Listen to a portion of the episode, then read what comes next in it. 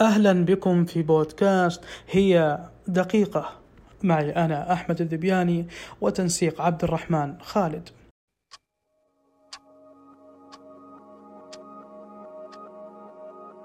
التنمية الأسئلة الكبرى عنوان كتاب لغازي القصيبي رحمه الله وسوف أتناول الكتاب بإيجاز لأربعة أسئلة طرحها. يتساءل غازي في سؤاله الأول لماذا ننمي؟ ويجيب رحمه الله من أجل كرامة الإنسان ثم يطرح السؤال الثاني لمن ننمي؟ ويجيب لصالح السواد الأعظم من الناس.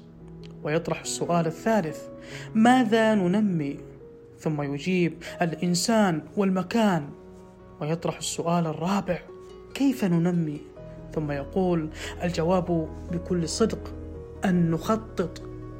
وقد عرف التخطيط بتعريف جميل وعميق حيث يقول إن التخطيط هو تلك المعاناة اللماحة الذكية اليومية لواقع الوطن وتطلعات المواطنين وأخيرا ختم كتابه رحمه الله بتوصية نهائية والتي توصل لها بعد ربع قرن على حد قوله حيث يقول إن طريق التنمية يمر اولا وثانيا وثالثا بالتعليم باختصار التعليم هو الكلمة الأولى والأخيرة في ملحمة التنمية.